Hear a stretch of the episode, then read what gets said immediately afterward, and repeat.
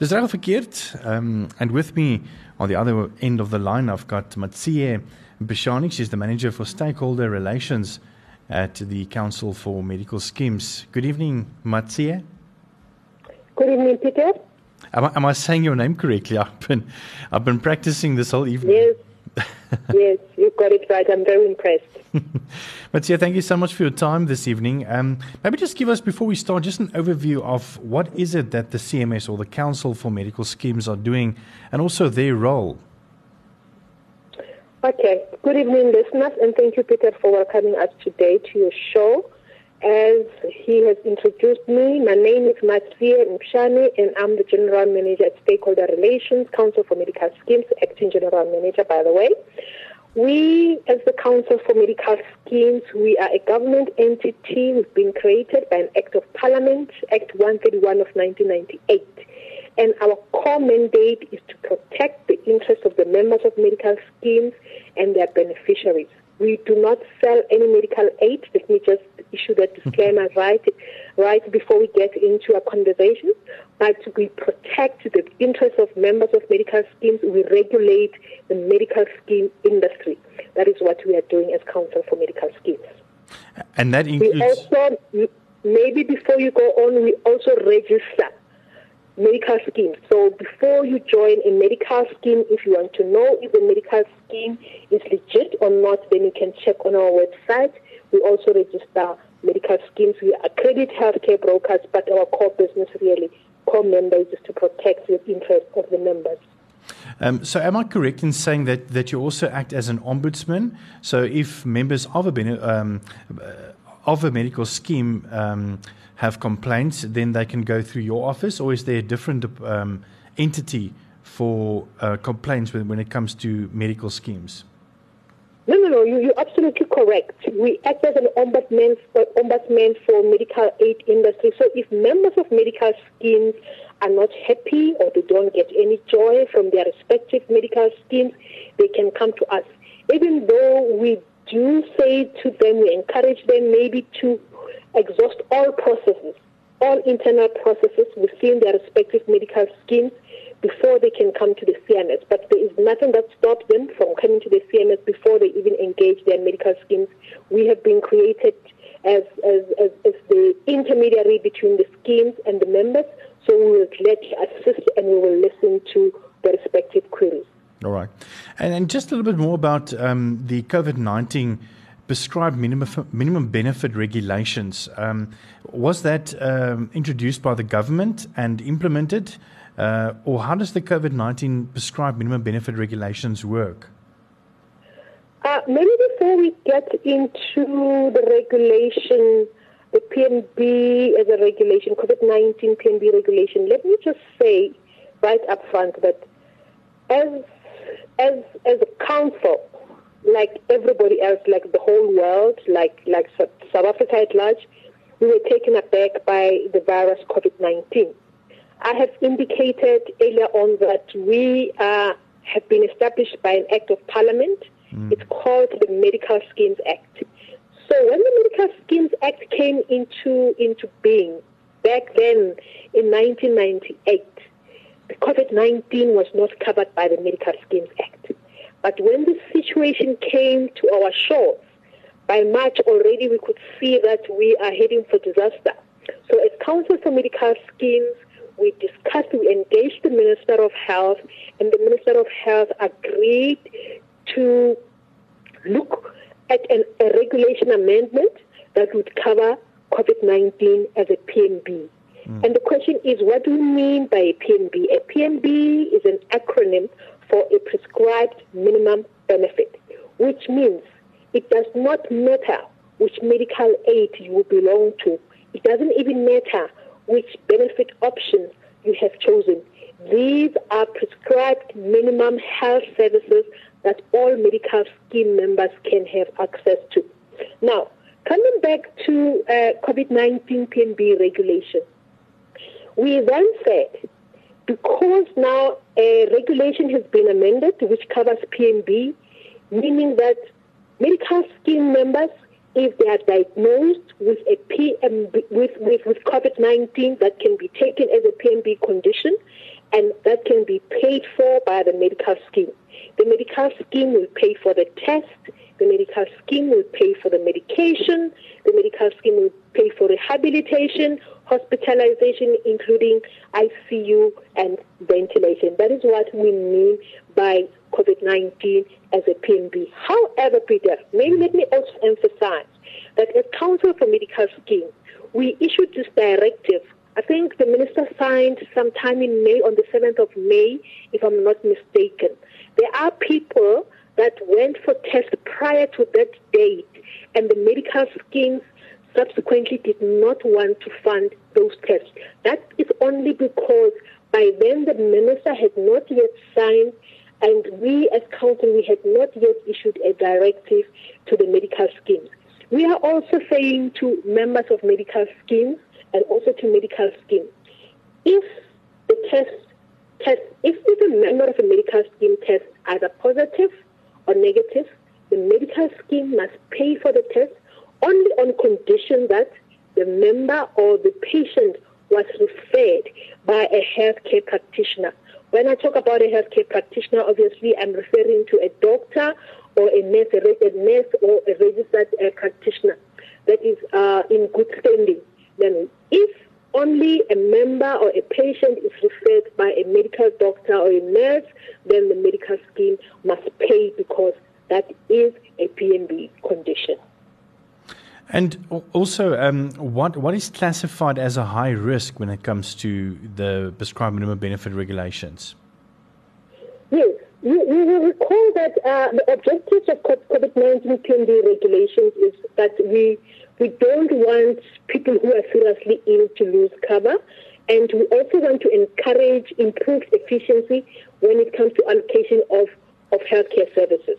Now, having said that, there are also people that can be classified as high risk. Every single day on the newspapers, on the radio, on TV, we hear about these uh, comorbidities. Yes. I, I struggle. I struggle to pronounce that way. When people have, have underlying conditions like your your PMB conditions, you know, like yes. your like your your your diabetes, hypertension, asthma, etc. These are the people that are at high risk. And especially people that maybe uh, 14 days ago they were in contact with somebody who's been confirmed to be having uh, COVID-19 or maybe somebody who's, who, who's very probable of, of, of getting that COVID-19. Say the person had was in contact with somebody but hasn't yet received the, the, the results of the COVID-19 test. Then those people are high risk. We also have, we also look at um, areas. You know, when you, you have traveled to an area 14 days ago, an area where there is a local transmission of COVID-19, then you are also high risk. Whether you have worked in a facility as a healthcare worker or maybe you have been to a facility where they're treating COVID-19 patients the last 14 days, then you are also at high risk. And even if you are admitted, even when can be admitted with severe pneumonia without any, you know, any, any, any proper diagnosis, that the doctors are baffled, they don't know where this pneumonia comes from, then those, those, those people can be regarded as, as high risk. Mm. Just a question, um, Matsia. Uh, if a school, for instance, um, can they insist on teachers to go for a test if they feel that the teacher was possibly um, in an area that was most likely um, had COVID 19 positive cases. And who's going to pay for that? Because, I mean, if, if the person or the teacher doesn't have any signs um, or symptoms, but the school insisted that they need to be cleared to come back to school, um, who's going to pay for that test? Okay. Maybe before we answer that question, I need to to talk to what uh, what we mean by uh, uh, COVID nineteen being a PMB that must be funded in full. Yes. So, in line with the PMB regulations, we will say COVID nineteen must be funded in full, and the following must be funded in full: all consultations, clinically appropriate diagnostic tests including the viral PCR, etc., yes. appropriate medication, hospitalization, as well as screening. Because when you screen a person, that is where you are going to determine, be it screening using a questionnaire or with other form of, of, of questions. That is when you're going to determine if this person is at high risk. Now, coming back to your question, as Council for Medical Schemes, we have lots of questions on our desk right now, similar to what you are going, similar to what you have asked, whereby we have patients or members of medical schemes saying to us, I wanted to do an elective surgery at hospital ABC, but unfortunately, I was told by the hospital that should I want to continue with the procedure, then I need to pay for a COVID 19 test or I need to come for, with a clearance certificate that says I am COVID 19 negative. Mm. And I also have to pay for the PPE, the personal protective clothing or equipment. Now, what we're saying as Council for Medical Schemes, we are saying we are not aware of any directive from the Department of Health that says the hospitals need to send people back and they need this COVID 19 clearance. However, the medical schemes, or let me just say, however, what we say as Council for Medical Schemes, we are saying every test that has been referred by a medical practitioner, mm. the medical scheme is liable to pay for the test, be it positive or be it negative. The situation with a school, there are many factors at play here, Peter, and I don't want to mince my yes. words when it comes to that. Clearly, there should be a screening that results in, in, in, in, a test. We cannot just decide, because we're not healthcare professionals, mm. we cannot decide that you need to do a test because of one, two, three. But obviously, the gathering of facts will come up when the screening has been is being implemented. Then the person who's doing the screen will then decide. Obviously, these people are trained. Then they will decide if this person needs a test or not. But as long as the test has been referred to by a medical practitioner or personnel, then the medical scheme must pay for it. Of course, if the person or the teacher is not on medical aid, then that is something that has to be discussed by the, the, the school government body. Yes. Um, I'm chatting to Matsia Shani. She's the General Manager for Stakeholder Relations at the Council for Medical Schemes. And we also been chatting about the uh, prescribed minimum benefit regulations with regards to COVID 19. Uh, if you've got any questions, you're more than uh, as welcome to send us a WhatsApp on 061, or, or let me rather do this in Afrikaans, 061 6104576. En onthou standaard tariewe geld. Ons is net hier na weer terug. Dis reg of verkeerd? Ek is Pieter Kloete en um, ek gesels in Engels met ehm um, Mamatsi Mpishani, she is the uh, the General Manager for Stakeholder Relations at the Council for Medical Schemes. Just before the break, we uh, chatted about the um, whole, you know, what is the purpose of the CMS or the Council for Medical Schemes, and also what does the new PMB regulations about COVID 19 entail. Um, maybe if we can just go through again the um, what is the prescribed minimum bev- benefits level of care when it comes to COVID 19 and medical aids? Okay, thank you, Peter. Uh, the recommended PMB level of care when it comes to COVID 19, firstly, it's the screening. And when we talk about the screening, we talk about consultation by a healthcare worker, a nurse doc, or, or, a doctor, as I mentioned earlier on.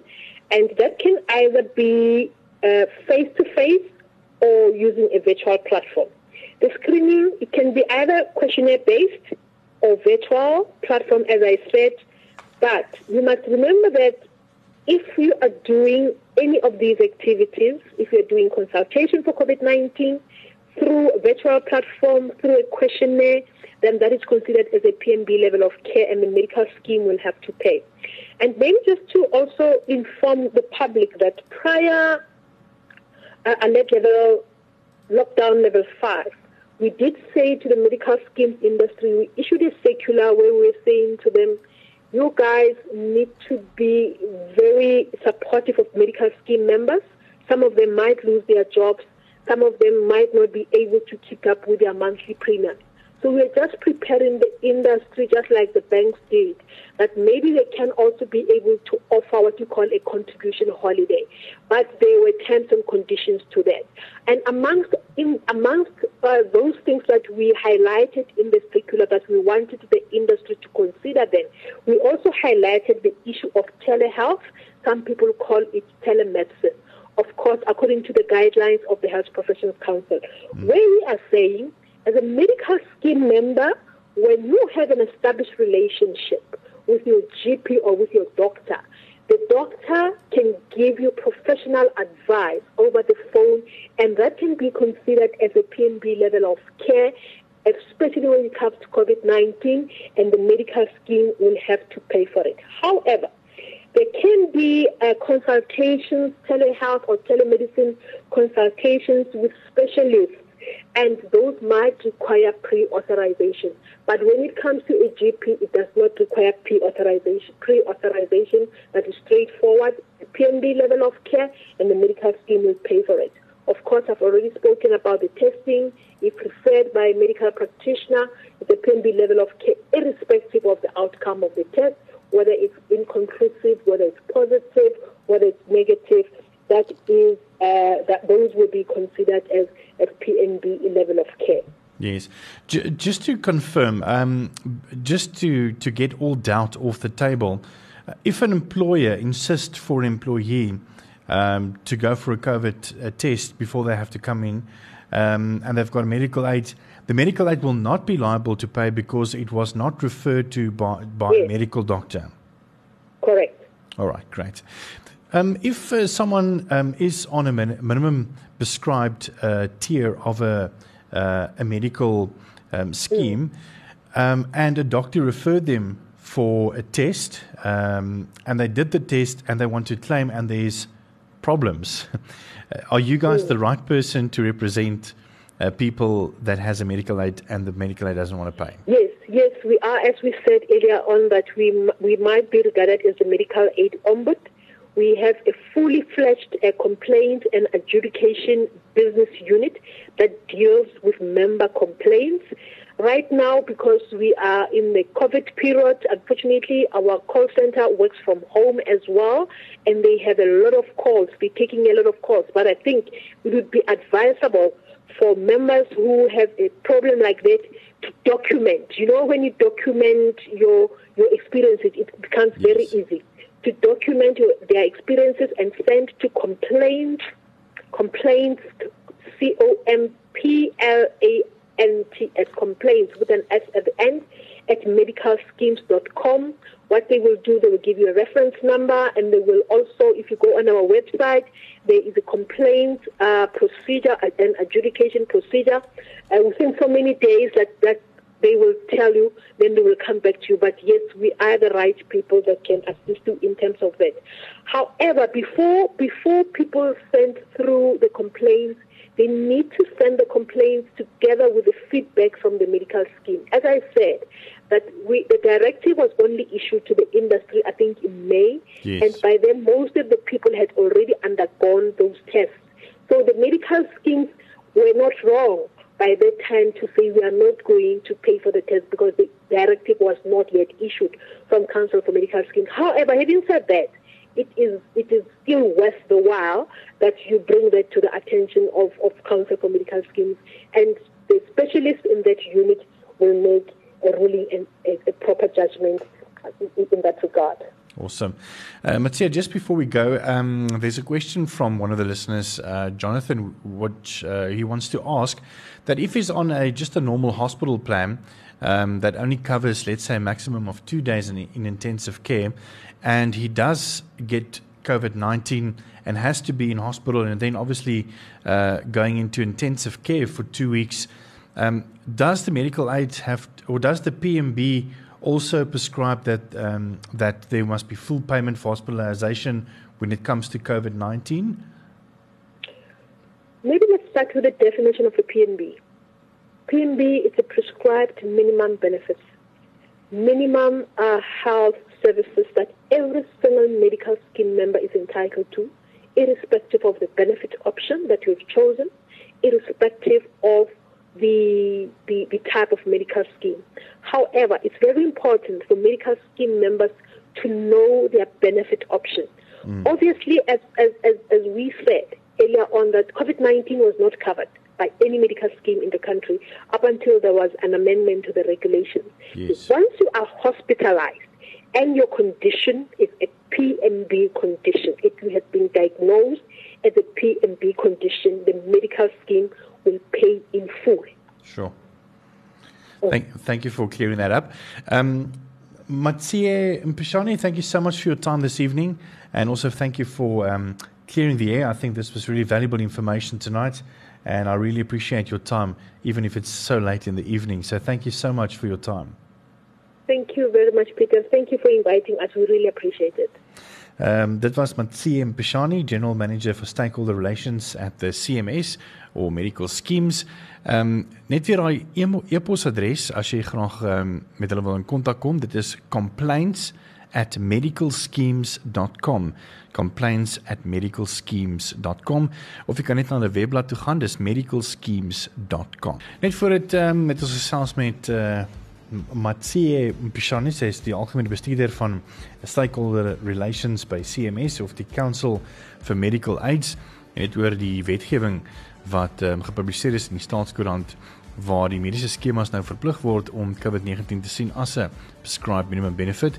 En daar is natuurlik riglyne wat ehm um, daarvoor ehm um, natuurlik pas, byvoorbeeld ehm um, screenings slegs as 'n dokter jou verwys om vir 'n vir 'n toets te gaan, sal die toets betaal word en die meer.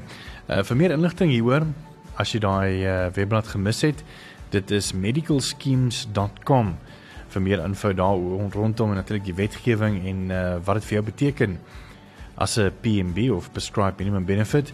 En as jy enige klagtes het in verband met 'n mediese fonds wat glad nie wil betaal oor sekere goed nie, is jy ook dan meer as welkom om hulle te kontak as 'n ombudsman by complaints@medicalschemes.com.